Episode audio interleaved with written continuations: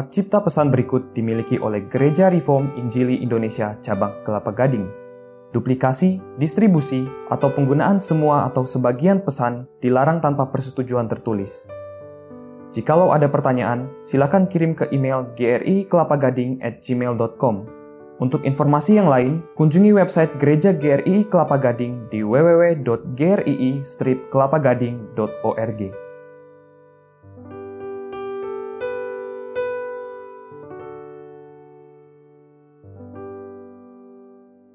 kita melanjutkan pembahasan dari Yohanes 5 ayat yang ke-24 dan seterusnya mungkin kita berhenti sampai di ayat 40 saja ya, 24 sampai 40.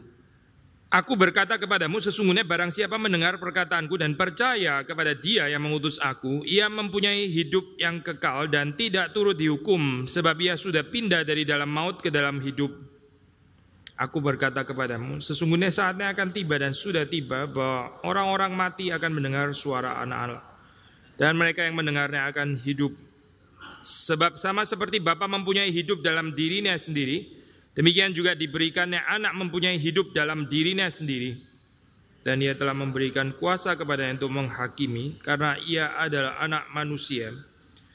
Janganlah kamu heran akan hal itu sebab saatnya akan tiba bahwa semua orang yang di dalam kuburan akan mendengar suaranya dan mereka yang telah berbuat baik akan keluar dan bangkit untuk hidup yang kekal tetapi mereka yang telah berbuat jahat akan bangkit untuk dihukum. Aku tidak dapat berbuat apa-apa dari diriku sendiri. Aku menghakimi sesuai dengan apa yang aku dengar dan penghakimanku adil sebab aku tidak menuruti kehendakku sendiri, melainkan kehendak Dia yang mengutus aku. Kalau aku bersaksi tentang diriku sendiri, maka kesaksianku itu tidak benar. Ada yang lain yang bersaksi tentang aku dan aku tahu bahwa kesaksian yang diberikannya tentang aku adalah benar. Kamu telah mengirim utusan kepada Yohanes dan ia telah bersaksi tentang kebenaran. Tetapi aku tidak memerlukan kesaksian dari manusia, namun aku mengatakan hal ini supaya kamu diselamatkan. Ia adalah pelita yang menyala dan yang bercahaya dan kamu hanya mau menikmati seketika saja cahayanya Tetapi aku mempunyai suatu kesaksian yang lebih penting daripada kesaksian Yohanes yaitu segala pekerjaan yang diserahkan Bapa kepadaku supaya aku melaksanakannya. Pekerjaan itu juga yang kukerjakan sekarang dan itulah yang memberi kesaksian tentang aku bahwa Bapa yang mengutus aku. Bapa yang mengutus aku, dialah yang bersaksi tentang aku. Kamu tidak pernah mendengar suaranya, rupanya pun tidak pernah kamu lihat. Dan firmannya tidak menetap di dalam dirimu, sebab kamu tidak percaya kepada dia yang diutusnya. Kamu menyelidiki kitab-kitab suci, sebab kamu menyangka bahwa olehnya kamu mempunyai hidup yang kekal. Tetapi walaupun kitab-kitab suci itu memberi kesaksian tentang aku, namun kamu tidak mau datang kepadaku untuk memperoleh hidup itu. Demikian pembacaan firman Tuhan, mungkin kita nggak bisa selesai sampai dengan ayat ke-40 pada hari ini, tapi nanti kita bisa lanjutkan waktu pertemuan yang lain. Mari kita masuk di dalam doa. Tuhan kami mohon supaya Engkau menenangkan hati dan pikiran kami, karena kami sungguh membutuhkan firman Tuhan, yang adalah makanan bagi jiwa kami. Tuhan yang memberikan kepada kami konsentrasi yang baik, bahkan kehausan dan kelaparan, supaya kami dipuaskan Sebagaimana Tuhan sendiri yang boleh menanamkan kerinduan itu di dalam hati kami. Kira yang kau menopang hambamu memberkati dan menguatkan, memberikan urapan dan setiap daripada kami yang mendengar kami boleh dikuduskan oleh kuasa firman Tuhan. Terima kasih Tuhan kami menyerahkan pemberitaan ini dalam nama Tuhan Yesus Kristus yang adalah Tuhan dan Juru Selamat kami. Amin. Kita sudah membahas di dalam minggu yang lalu saya bahwa gambaran waktu Yesus memberitakan tentang dirinya itu bukan di dalam arti Yesus bersaksi tentang dirinya sendiri. Bahkan kita baca tadi di dalam ayat yang ke-31 secara eksplisit dikatakan bahwa Yesus tidak bersaksi tentang dirinya sendiri. 31 saya baca sekali, kalau aku bersaksi tentang diriku sendiri, maka kesaksianku itu tidak benar. Yesus bukan sedang bersaksi tentang dirinya sendiri, tapi dia sedang membicarakan otoritas kuasa yang ada di dalam dirinya itu berasal dari mana? Itu berasal dari Bapa. Ya. Gambarannya sangat khas di dalam theological profile dari um, Injil Yohanes. Ya. Johannes writing secara ini, secara lebih luas. Waktu kita membaca di dalam ayat-ayat selanjutnya 24 sampai dengan 29 lalu dilanjutkan lagi 30 dan seterusnya kita mendapati di situ ada kelincahan ya. Ini semua yang menceritakan tentang satu pribadi Yesus ya, satu pribadi Yesus. Tapi kalau sudah melihat itu perspektifnya bisa bergerak lincah antara according to his divine nature dan according to his human nature ya. Sehingga kita nggak perlu bingung ya dengan kelincahan seperti itu karena memang Yesus betul-betul memiliki dua natur itu. Ayat 24 saya waktu sudah membaca bagian ini ya, itu bicara tentang pengutusan ya. Pengutusan itu menggunakan prophetic vocabulary. Perbendaraan di dalam kata-kata yang sering kali dipakai di dalam tulisan cerita nabi-nabi gitu, yaitu nabi yang diutus ya, diutus oleh Allah versus nabi yang palsu yang tidak diutus oleh Allah ya. Waktu di sini dikatakan dia yang mengutus aku ya. Yesus as sent by the Father. Memang khusus ya hubungan ini ya. The Son sent by the Father. Yang mengutus itu adalah Bapa sendiri. Yang diutus adalah anak. Bagian ini diulang misalnya di dalam surat yang lain seperti di dalam Ibrani dan sebagai waktu Allah zaman dahulu berbicara melalui nabi-nabi sekarang dia berbicara melalui anaknya ya. Tapi ada kaitan sangat erat di situ dengan kenabian Kristus. Sekali lagi kalau kita boleh mengulang yang kita sudah pernah bahas ya, Yesus itu nabi, imam, raja. Dan bagian ini waktu berbicara tentang pengutusan itu terutama menunjuk kepada kenabian Kristus.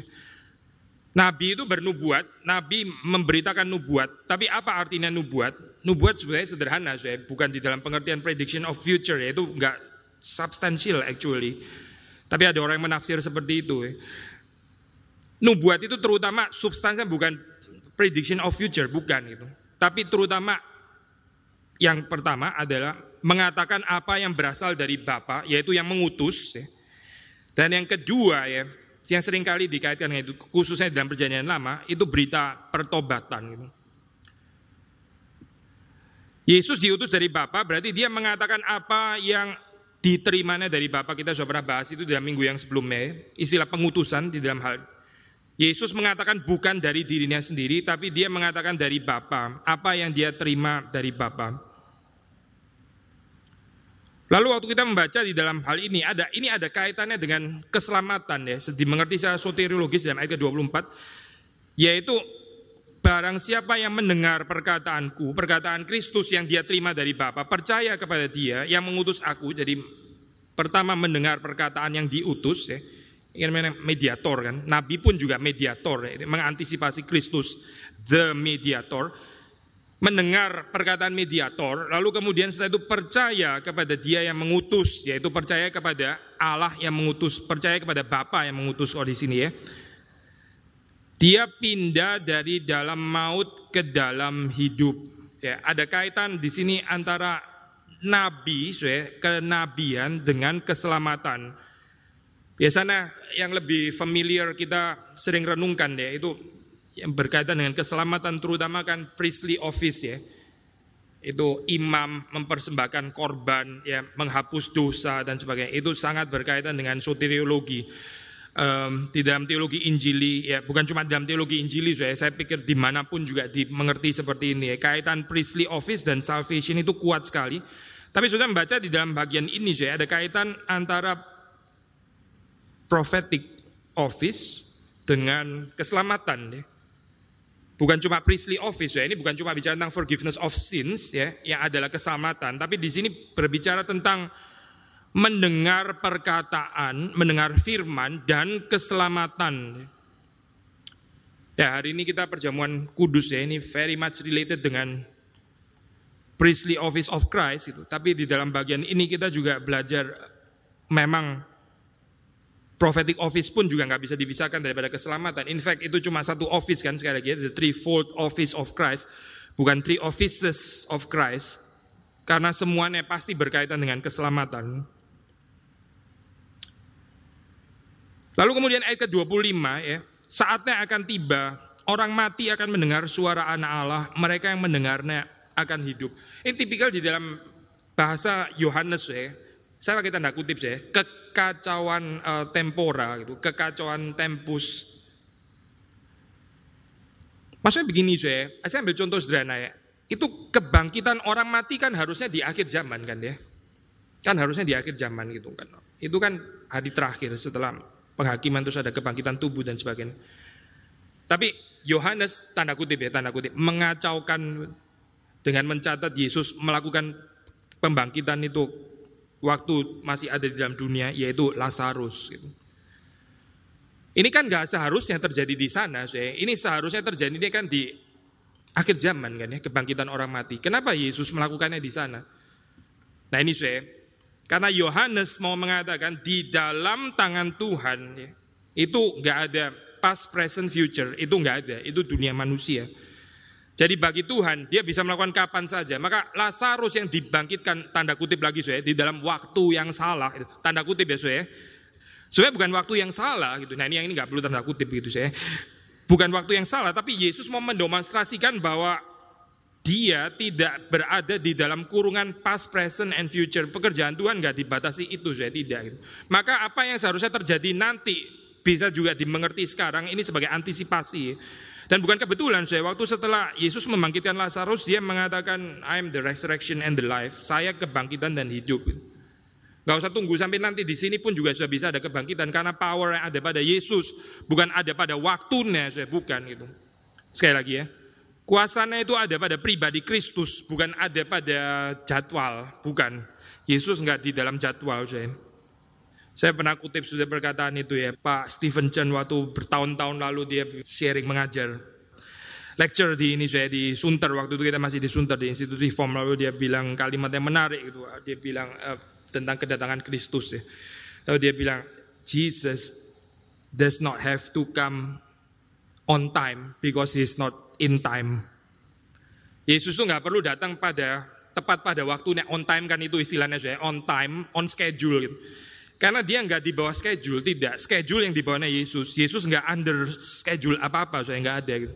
Kita bisa under certain schedule dan sudah pasti kita under schedule-nya Tuhan kan ya. God's appointed time, kita ada di dalam kairosnya Tuhan, ada waktunya kapan Tuhan memimpin kita. Tuhan sendiri nggak dibawa waktu yang kemudian dia mesti menaati schedule. Gak tahu siapa yang bikin schedule itu, saya. dia Tuhan, dia bebas dari itu. Jadi itu sudah membaca di dalam cerita ini ya Yohanes ada ini ya tanda kutip tadi ya kekacauan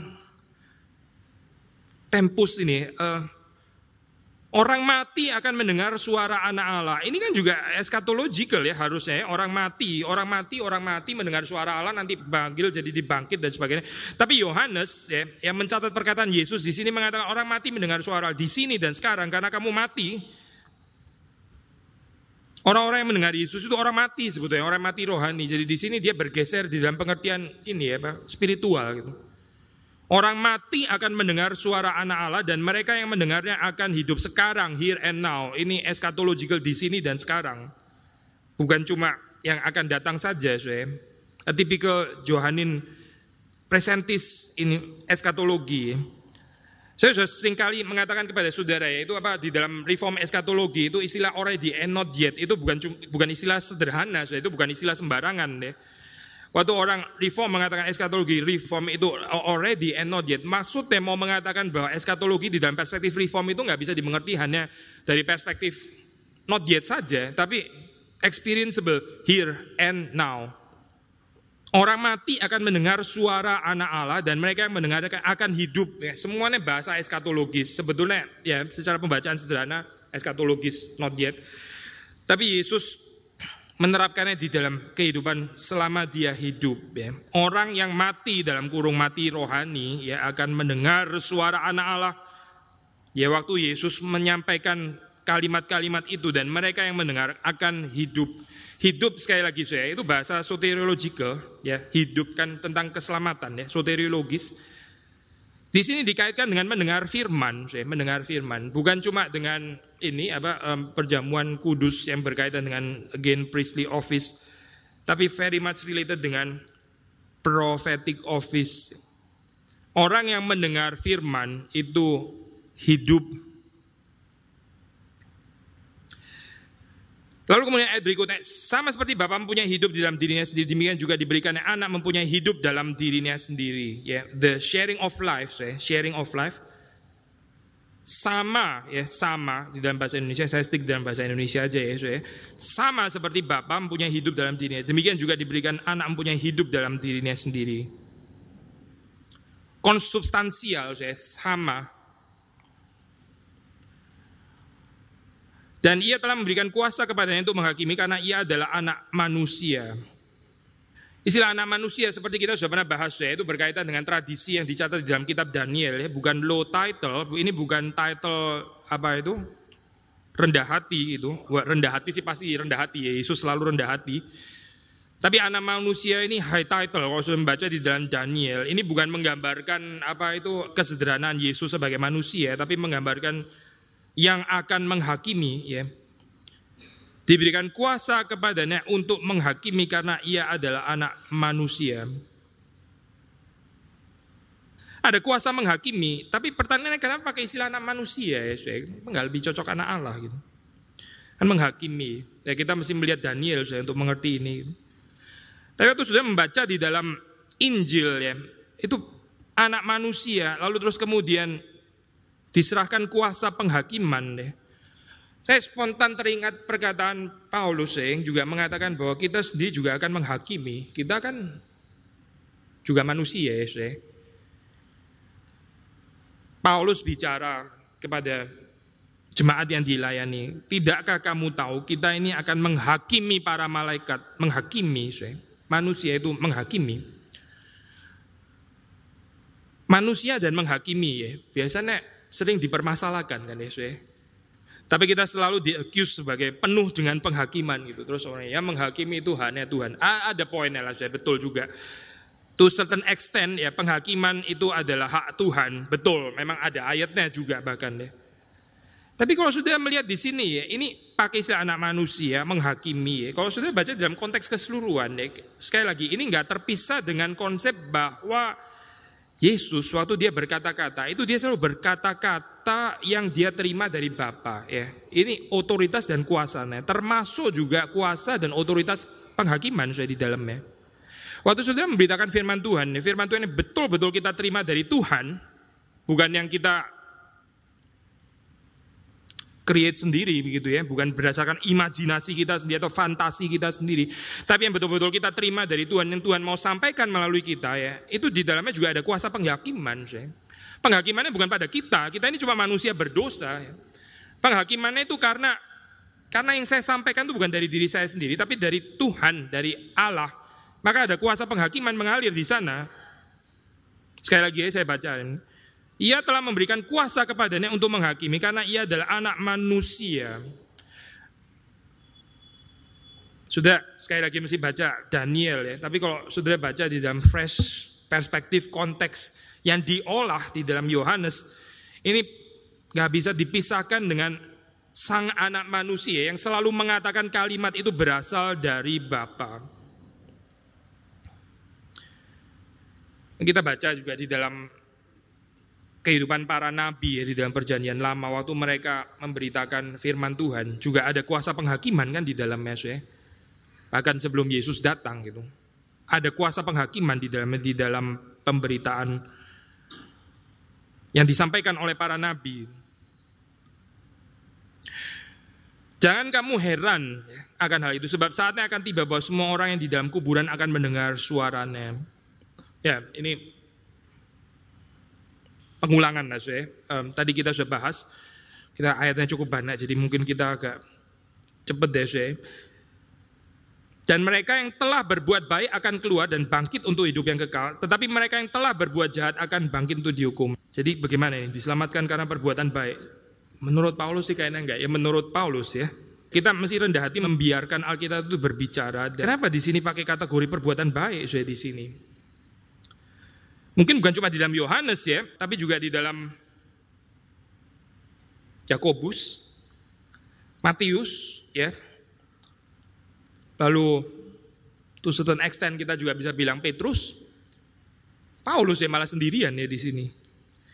Nah, saya mau mengangkat ini di dalam ini saya pada gambaran apa itu ecumenical gitu saya. Ecumenical yang very very responsible saya, bukan ekumene gadungan ya, bukan. Kalau itu mah nggak ada masa depan ya.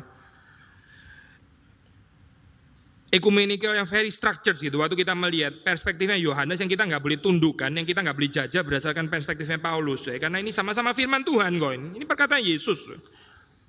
Yohanes kan hanya mencatat sebetulnya gitu. Ini perkataan Yesus ya. Gak mungkin lebih rendah daripada perkataan Paulus. Perkataan Paulus juga firman Tuhan. Ini perkataan Yesus sudah pasti firman Tuhan. Tapi kenapa di sini bicara tentang perbuatan baik? Sebetulnya saya kalau sudah membaca di dalam sistematika um, teologi reform tetap ada jawaban termasuk dari perspektif reform. Mungkin salah satu kata yang boleh saudara perhatikan di situ ya, telah ya, telah. Mereka yang telah berbuat baik akan keluar dan bangkit untuk hidup yang kekal. Di sini nggak dikatakan mereka yang akan berbuat baik, akan keluar dan bangkit untuk hidup yang tapi mereka yang telah. Ya ini berarti apa sih ya berarti perbuatan baik itu konfirmasi keselamatan yang sejati. Sederhana kan ya perbuatan baik itu kalau di ini di mungkin di Calvin belum zaman ya kalau saya bahas tapi kalau sudah baca tulisan orang-orang liter Calvinism itu mereka membicarakan disebut dengan silogismus praktikus ya practical syllogism practical syllogism itu adalah pengambilan kesimpulan dengan cara begini saya kalau istilah dalam Alkitab, dari buahnya kamu tahu pohonnya. Kan orang bergumul, saya tahu dari mana lu orang pilihan. Jangan-jangan lu bukan orang pilihan. Pertanyaan kayak begini kan memang bisa memberikan orang jadi ragu-ragu, memberikan keraguan-raguan di dalam diri orang. Kan. Lu tahu dari mana lu orang pilihan. Jangan-jangan lu bukan pilihan. Orang nggak ada assurance of salvation. Memang assurance of salvation kalau kita belajar baik-baik, kan basisnya fondasinya kan Kristus korban Kristus yang sempurna dan itu nggak pernah nggak sempurna selalu sempurna dan sudah sudah berlalu juga kan saya tapi masih saja saya ada orang yang ragu-ragu. Lah itu orang di dalam liter Calvinism ya itu mengumpulkan hal itu. Mereka mengajarkan ini ajaran silogismus praktikus ya. Ada tanda-tanda orang pilihan. Ada tanda-tandanya orang pilihan ya sehingga dia boleh disebut orang pilihan ya. tanda orang pilihan atau pakai istilah Alkitab buah orang yang diselamatkan. Dari situ kita tahu dia adalah orang pilihan. Ini bukan berarti kita diselamatkan oleh karena tanda-tanda itu loh, saya tidak gitu ya. Bukan loh, kita diselamatkan karena anugerah, kita diselamatkan oleh kesempurnaan korban Kristus di atas kayu salib. Tapi orang pilihan itu ada tanda-tandanya. Salah satu tandanya, menurut Yohanes adalah perbuatan baik. Saya. Ini jelas sekali. Yakobus mengatakan, kamu bicara iman-iman ini memang seperti kayak sedikit polemikal dengan bahasannya Paulus ya, tapi in the level of vocabulary only, bukan secara konsep ya, karena secara konsep nggak ada benturan. Saya sudah bahas ya, surat Yakobus very likely itu polemiknya bukan against teologi Paulus yang original, tapi resepsi teologi Paulus yang salah. Justification by faith alone ya itu Sola fide dimengerti secara salah, lalu kemudian terus dikritik oleh Yakobus. Bukan Paulus yang dikritik, Paulus nggak mengajarkan seperti itu sebetulnya. Efesus 2 misalnya sudah membaca ya, kita disediakan, diselamatkan itu bukan hasil usahamu. Tuhan menyediakan pekerjaan baik ya. Setelah itu diselamatkan itu apa? Untuk pekerjaan baik ya. Sama kan saya? Even Paulin pun juga konsisten kok dengan Johanin writings di sini. Perbuatan baik ya sebagai tanda orang diselamatkan, tanda-tanda orang pilihan.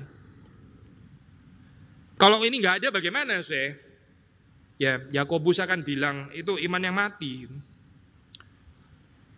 Yakobus menantang ya, coba tunjukkan imanmu tanpa perbuatan. Iman tanpa perbuatan, tunjukkan itu. Nanti saya akan tunjukkan kepadamu bahwa di dalam perbuatanku di dalamnya ada iman. Pasti yang dimaksud Yakobus adalah yang terakhir, sih. Di dalam perbuatan baik, di dalamnya itu iman. Maksudnya true faith itu itulah yang produce so called good works itu. Tapi kalau dibalik saya, saya cuma punya iman. Saya ini spesialitasnya orang beriman, karunia iman, gak ada karunia perbuatan baik. Karunia perbuatan baik memang gak ada saya, karena perbuatan baik bukan karunia, itu adalah untuk semua orang beriman sebetulnya. Lalu ini orang bilang, saya cuma spesialitasnya ini beriman, beriman, beriman. Jadi ini ibarat orang yang berdoa, berdoa, berdoa gitu ya here I am, send him, send her itu tadi gitu, um, gambaran orang yang seperti itu. Kalau kita membaca di dalam Alkitab saya ini Yohanes jelas ya tidak kurang menekankan percaya percaya percaya percaya percaya ya. Percaya percaya ya. Sin dosa itu di dalam Johannine writings ya khususnya di dalam The Gospel of John sudah mendapati salah satu kata kunci ya. Definisi sin itu adalah ketidakpercayaan, disbelief itu adalah the arts sin kalau menurut Yohanes ya. Ini nggak nggak selalu seperti ini saya. Luther akan sangat senang dengan kalimat ini saya karena Luther kan menekankan sola fide. Luther mengatakan orang itu dibenarkan hanya karena iman. Demikian juga orang itu dihukum, dipersalahkan, ya, dikondem juga karena disbelief, karena tidak ada iman, karena ketidakpercayaan. Itu very much di emphasize di dalam Yohanes, ya, kalau sudah membaca ya. Percaya, tidak percaya ya. Saya pikir cukup ya bagian itu ya. Yohanes selalu menekankan percaya, percaya, percaya. Kita diselamatkan karena percaya. Sudah enough lah, sudah, sudah cukup itu sudah jelas sekali. Tapi terus kemudian kita membaca dalam ayat ke-29, orang yang percaya itu adalah orang yang berbuat baik, sudah, berbuat baik. Pada akhirnya dia akan berbuat baik. Mereka yang telah berbuat baik akan keluar dan bangkit untuk hidup yang kekal. Yaitu mereka yang percaya yang akan berbuat baik. Karena orang percaya tidak terus berbuat jahat deh. Tidak. Mereka yang telah berbuat jahat akan bangkit untuk dihukum. Orang percaya nggak terus di dalam perbuatan jahatnya, tapi akan rajin dan tekun berbuat baik. Saya sudah pernah sharing ini ya, saya, apa even kok sudah baca Alkitab gambaran juga nggak sekaku itu ya, yang sering kali mungkin dibicarakan di dalam sistematik teologi. Kadang-kadang perbuatan baik pun juga sudah merupakan anugerah, ditaruh di sebelum orang diselamatkan. Kalau sudah tetap masih pakai kategori sudah dan belum diselamatkan. Salah satunya adalah Cornelius misalnya. Eh, catatan ini sering di ini ya, di Lukas gitu, bukan cuma satu-satunya. Si Cornelius ya, itu yang perbuatan baiknya itu seperti bau-bauan harum sampai ke atas ya. Sampai terus kemudian Tuhan mengirim Petrus untuk memberitakan Injil khusus kepada dia. Perbuatan baik mendahului keselamatan. Sekali lagi ya, di dalam sistematik teologi kayaknya kurang ada tempat ya bagian ini karena kita terlalu khawatir dengan campuran perbuatan baik di dalam keselamatan. Tapi Alkitab sudah jauh lebih lincah sudah daripada sistematik teologi kita kali ya. Eh, saya pikir kita mesti lebih Alkitabiah daripada ini apa? Sistematik teologiah gitu ya. Kan kita dipanggil untuk Alkitabiah lebih daripada sistematik teologi ya. Gak ada sih istilah itu saya. Saya cuma mau bilang ada ini reform commitment ya apa sistematik teologi kita itu mengantar kita kepada kekayaan yang ada dalam Alkitab, bukan sebaliknya ya. Aku tidak dapat berbuat apa-apa dari diriku sendiri. Aku menghakimi sesuai dengan apa yang aku dengar dan penghakimanku itu adil. Ya, tadi kita sudah. Kenapa penghakiman Tuhan itu benar dan adil. Karena memang Tuhan Yesus menghakimi sesuai dengan apa yang dia dengar dari Bapaknya. Tapi sudah perhatikan dalam ayat ke-30 pertama itu saya tadi yang saya bilang the two natures of aku tidak dapat berbuat apa-apa dari diriku sendiri. Aku tidak dapat berbuat apa-apa dari diriku sendiri. Kalau kita nggak hati-hati, saya kita bisa ambil kesimpulan seperti Yesus ini lebih rendah dong berarti dari Bapa. Iya kan ayat kayak begini kalau kita baca simple kan aku tidak dapat berbuat apa-apa dari dia. Dia berarti bukan Tuhan dong kayak begini. Justru keindahan inkarnasi kan di situ ya. Dia itu Tuhan tapi dia menjadi manusia sama seperti kita ya. Kalimat ini mendahului ayat yang terkenal di dalam Yohanes 15 ya. Waktu Yesus mengatakan di luar aku kamu tidak dapat berbuat apa-apa. Di luar aku ya, di luar sang anak kamu tidak dapat berbuat apa-apa. Lalu Yesus di dalam ayat 30 pasal 5 aku tidak dapat berbuat apa-apa dari diriku sendiri. Di luar aku ya, jikalau kamu tidak tinggal di dalam aku, kamu tidak dapat berbuat apa-apa. Yesus mengatakan, demikian juga kalau kita boleh gandeng ya. Atau oleh karena, ya dasarnya ya, kenapa seperti itu? Karena Yesus pun tidak dapat berbuat apa-apa dari dirinya sendiri. Ini nggak mengatakan bahwa Yesus kurang sovereignty atau jangan-jangan nggak konsubstansial lagi, jangan-jangan nggak sehakekat, jangan-jangan lebih rendah, lebih kecil dan sebagainya. Bukan itu, saya itu orang salah baca. Waktu Yesus mengatakan aku tidak dapat berbuat apa-apa dari diriku sendiri, maksudnya mengatakan bahwa Yesus selalu tinggal di dalam Bapaknya. Yesus selalu berada di dalam Bapaknya. Istilah tinggal itu kan salah satu kata kunci ya, seperti kita sudah pernah bahas di dalam di dalam bagian-bagian awal saya itu tinggal ya. Kadang-kadang bahasa Inggris bisa pakai istilah abide, kadang-kadang pakai istilah remain ya, remain atau abide tinggal. Saling meninggali ya. Saya sudah sering bahaskan saya nggak perlu ulang lagi bagian ini ya. Yesus tidak dapat berbuat apa-apa dari dirinya sendiri. Maksudnya Yesus tidak pernah tidak tinggal di dalam Bapa dan Bapa tidak tinggal di dalam Dia. Nggak pernah itu saya. Karena Yesus selalu di dalam Bapa dan Bapa selalu di dalam Dia. Ini bicara tentang the incarnated Christ ya supaya boleh menjadi model ya demikian juga kita juga nggak bisa berbuat apa-apa dari diri kita sendiri. Kalau kita tidak tinggal di dalam Kristus yang tinggal di dalam Bapa itu. Kapan sih saya kita menjadi judgmental ngawur gitu ya? Kapan? Kapan kita menjadi judgmental ngawur? Jawabannya sederhana saya waktu kita nggak connected dengan Yesus Waktu kita tidak tinggal dengan Yesus. Waktu tidak tinggal dengan Yesus bisa judgmental begitu ya, in a carnal spirit. Highly polemical, saya sukanya pokoknya kalau nggak ada konflik itu kayak nggak bisa hidup begitu ya.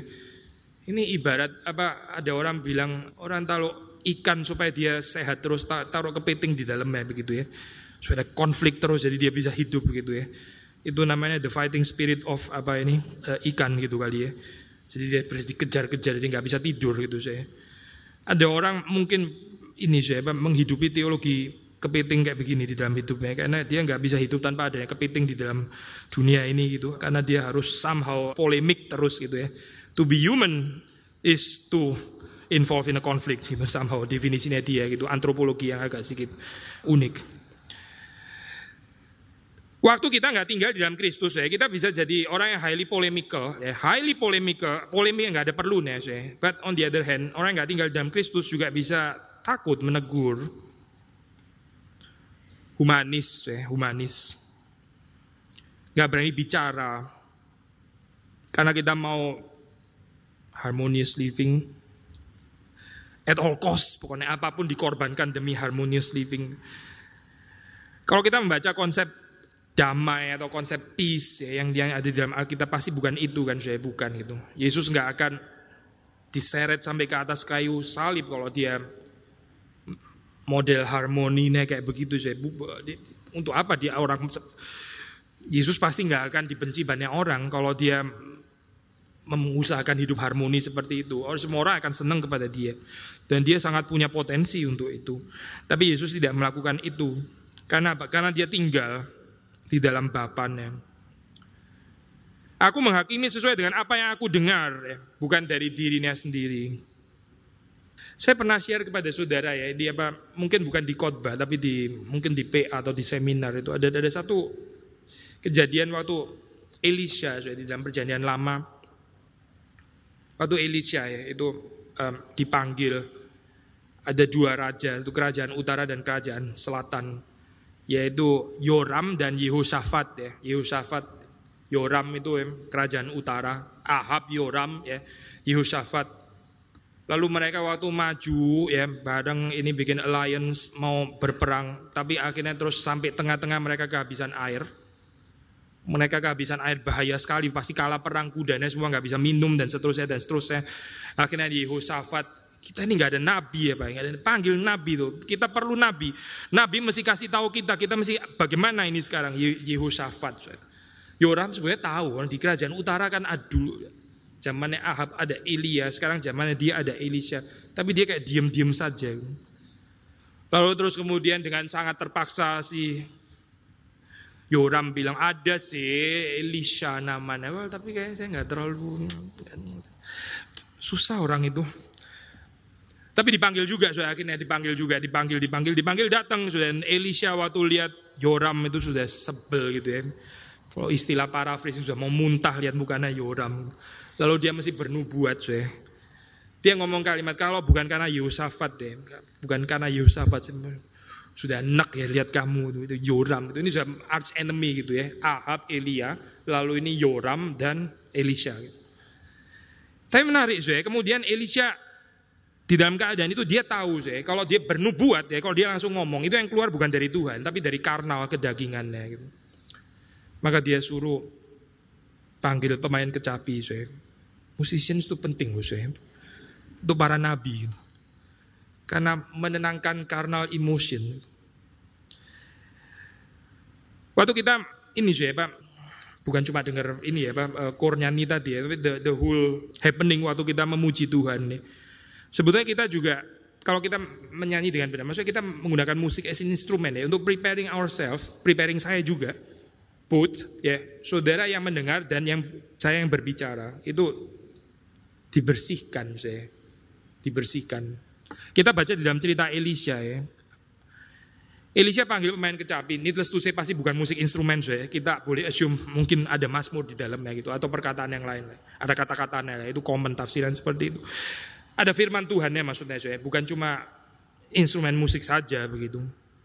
Ini kan juga perdebatan kan sudah baca tulisannya Zwingli, Luther, Calvin semuanya lain ngomong ngomong lain-lain ya tentang ini tentang apa tentang Saul dan Daud itu ya main kecapi itu sebenarnya apa yang terjadi di sana.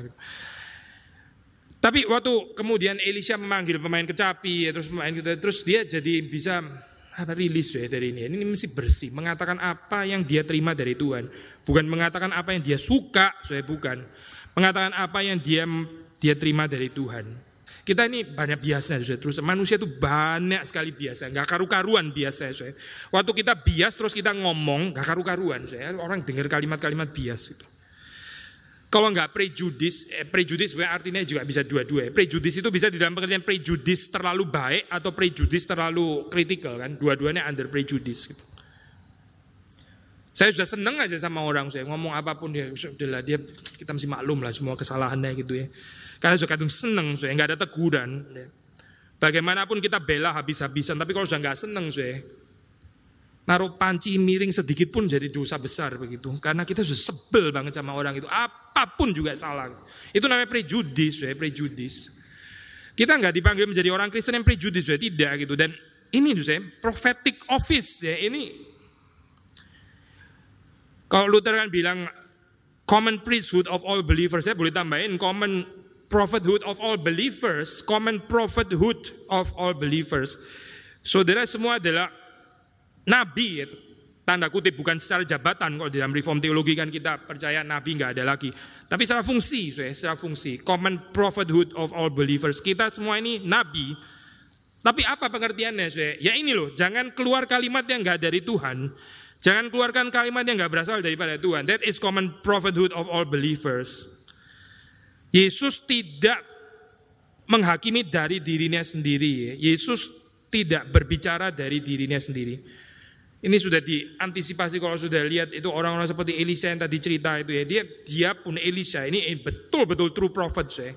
Dia tahu dia orang berdosa saya sama seperti saudara dan saya ngomongnya juga bisa ngawur, ngomongnya juga bisa ada bias, hatred, kebencian, enak, muak dan sebagainya sama.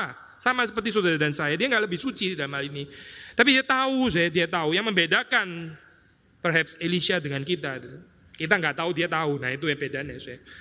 Dia sadar kalau ada persoalan. Kita sering kali nggak sadar soalnya kalau ada persoalan. Dia sadar, dia peka. Maka dia panggil pemain kecapi. Setelah selesai main kecapi, eh betul saya. Elisha ngomong apa? Elisha ngomong, ya intinya saya, Tuhan akan menyelamatkan engkau gitu. Kamu nggak akan mati kelaparan. Itu nggak mungkin saya kalau dari Elisha ngomong kayak gini lihat mukanya Yoram. Kalau saya joking sedikit ya, ini kalau dari Elisha saya, mungkin dia akan bilang kayak gini. Sesungguhnya Tuhan akan memberkati engkau, hai Yehosafat. Tetapi engkau Yoram, gitu ya, kira-kira gitu. Kalau dari ini apa dirinya Elisa sendiri gitu kan sudah sebel saya lihat ini apa Yoram ini musuh bebuyutan. Tapi Tuhan gak mau bilang itu saya bukan, gak ada penghakiman tuh Yoram. Hari itu gak ada.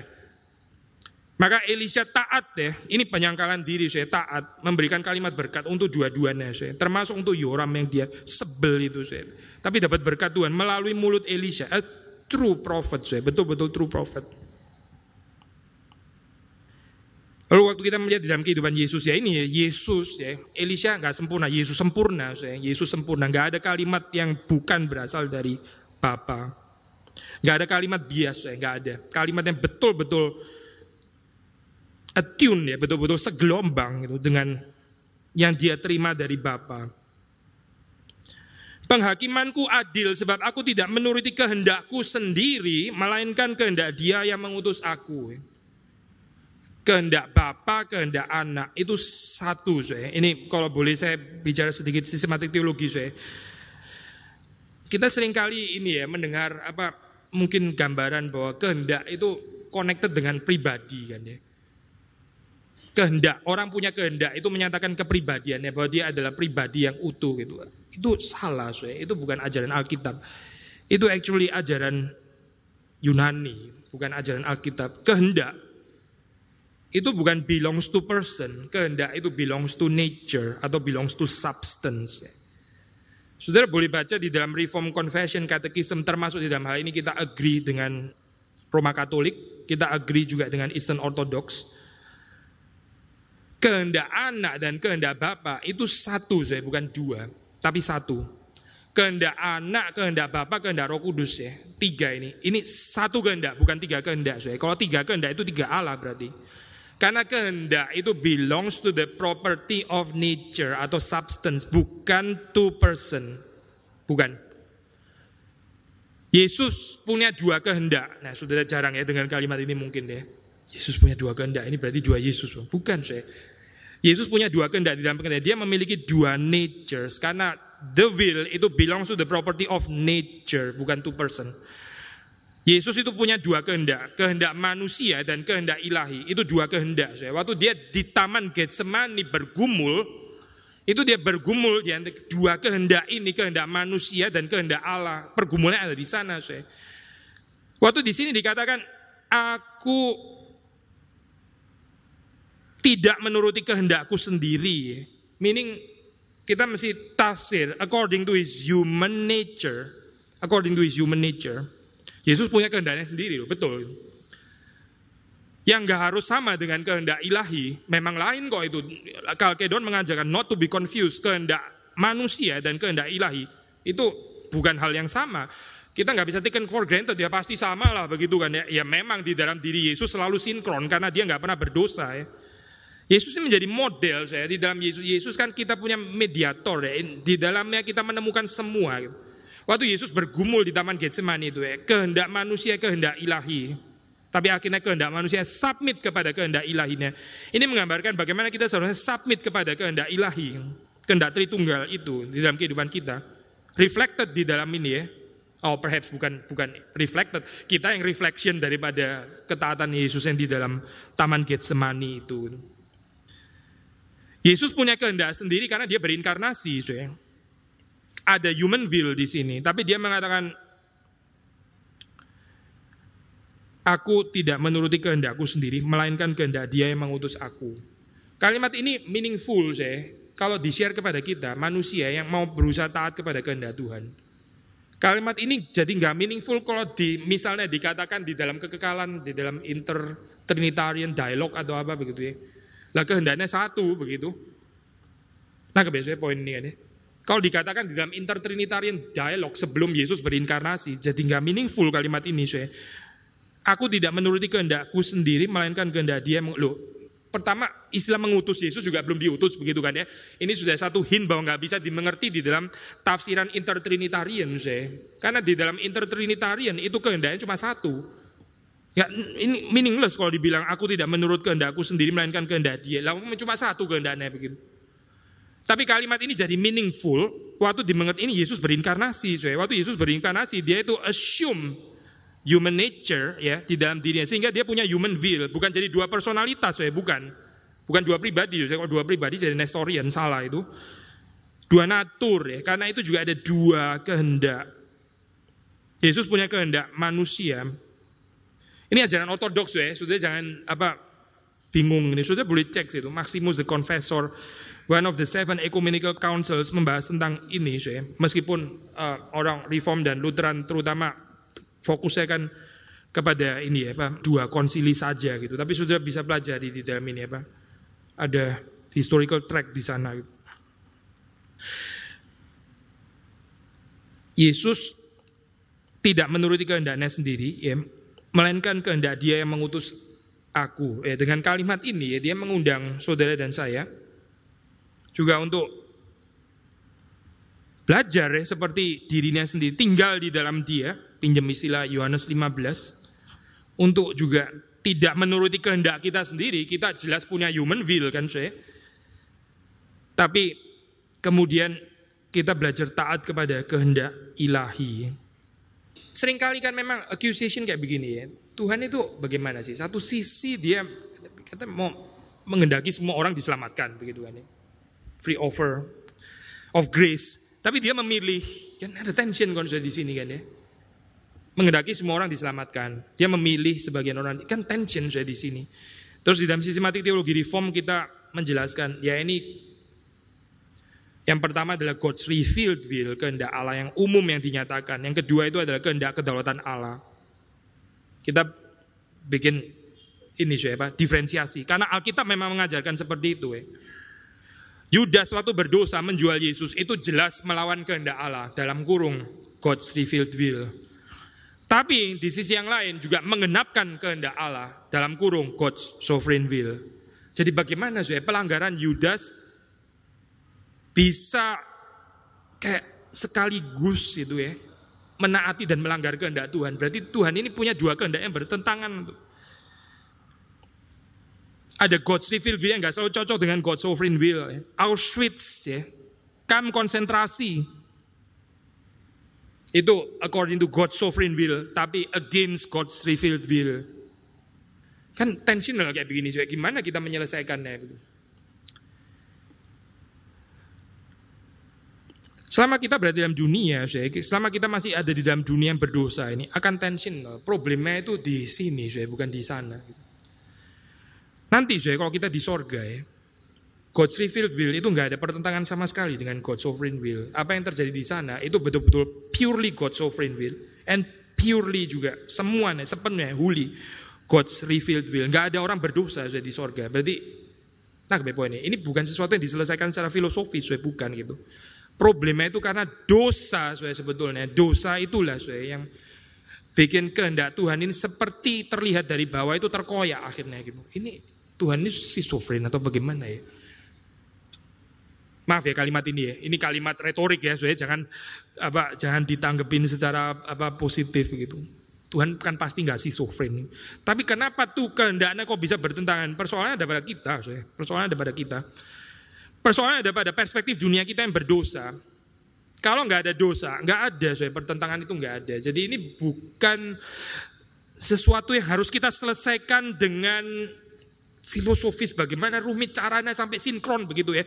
Sampai bisa diintegrasikan. Useless ya useless and meaningless. Tapi diselesaikan dengan ketaatan saya diselesaikan dengan ketaatan. Taat saja. Kalau kita taat nggak ada itu benturan God's sovereign will dan God's revealed will itu nggak ada Kenapa ada benturan? Karena kita nggak taat kan, makanya jadi ada benturan. Saya. Kalau kita taat ya seperti Yesus taat ya, kehendakku ya, aku tidak melakukan kehendakku sendiri, tapi kita melakukan kehendak Bapa. Dan kita nggak ada problem saya dengan God's revealed will versus God's sovereign will. Nggak ada, nggak ada problem, nggak ada. Karena waktu saya taat, yang terjadi itu God's sovereign will. Waktu saya taat, saya juga according to God's revealed will. Nggak ada persoalan. Sinkron saya, sinkron. Yang merusak itu dosa kita. Ya bagaimana ya, tapi ini juga gambaran yang realistis kan ya, karena kita memang ada di dalam fallen world dan kehidupan kita memang masih berdosa. Sehingga ada perspektif ini saya, tanda kutip ya, keterkoyaan kehendak Allah selama kita masih berada di dalam dunia. Makanya saya taatlah gitu. Waktu kita taat saya, kita lebih mengerti apa itu artinya God simplicity itu maksudnya apa sih? Kalau gini kan gambarannya kayak dua gini kan seperti kayak aduh kompleks banget deh, rumit gitu kan ya. Tapi waktu kita taat ya, kita masuk di dalam the idea of the simplicity of God. Tuhan itu simple, itu satu. Waktu kita taat ya, Gak perlu rumit gitu ya. Ada ini yang bukan ini dan ini bukan ini in paradoxical tension dan sebagainya. Rumit gitu kan ya. Taat saja saya taat. Waktu taat kita mengerti apa artinya God being simple itu apa maksudnya? Satu Tuhan ya, yang nggak terkoyakkan itu. Demikian Yesus waktu kita membaca ya, dia tidak melakukan, dia tidak menuruti kehendaknya sendiri, melainkan kehendak Bapa yang mengutusnya. 31 tadi kita sudah bahas, Yesus tidak bersaksi tentang dirinya sendiri, ya, karena kesaksian tentang diri sendiri itu kesaksian yang tidak benar. Ya.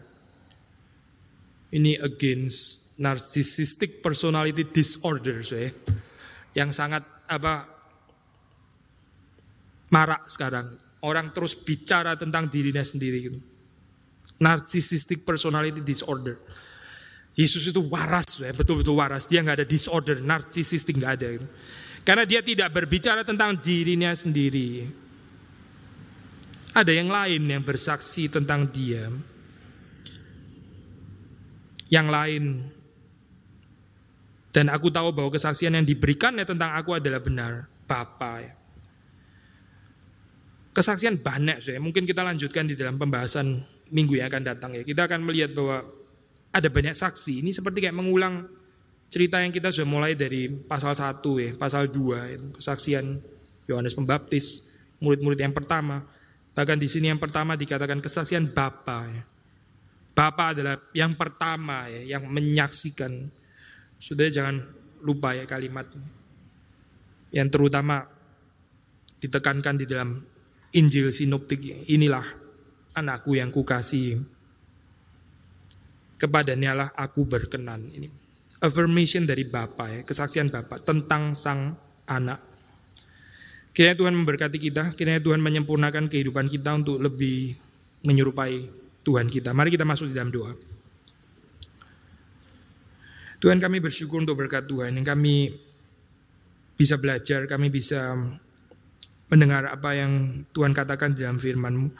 Kami rindu Tuhan supaya kami bisa menghidupi juga kehidupan yang ada pada Tuhan karena memang kami diselamatkan untuk ini supaya kami bisa tinggal di dalam Engkau supaya kami juga boleh berbagian berpartisipasi di dalam kodrat ilahi seperti yang ada pada Tuhan. Terima kasih Tuhan Engkau share Engkau membagi ini kepada kami semua orang-orang yang sangat berdosa yang tidak layak di hadapan Tuhan tapi yang Engkau undang untuk duduk semeja masuk di dalam persekutuan dengan Engkau sendiri. Kami bersyukur Tuhan untuk hari ini kami juga ingin merayakannya.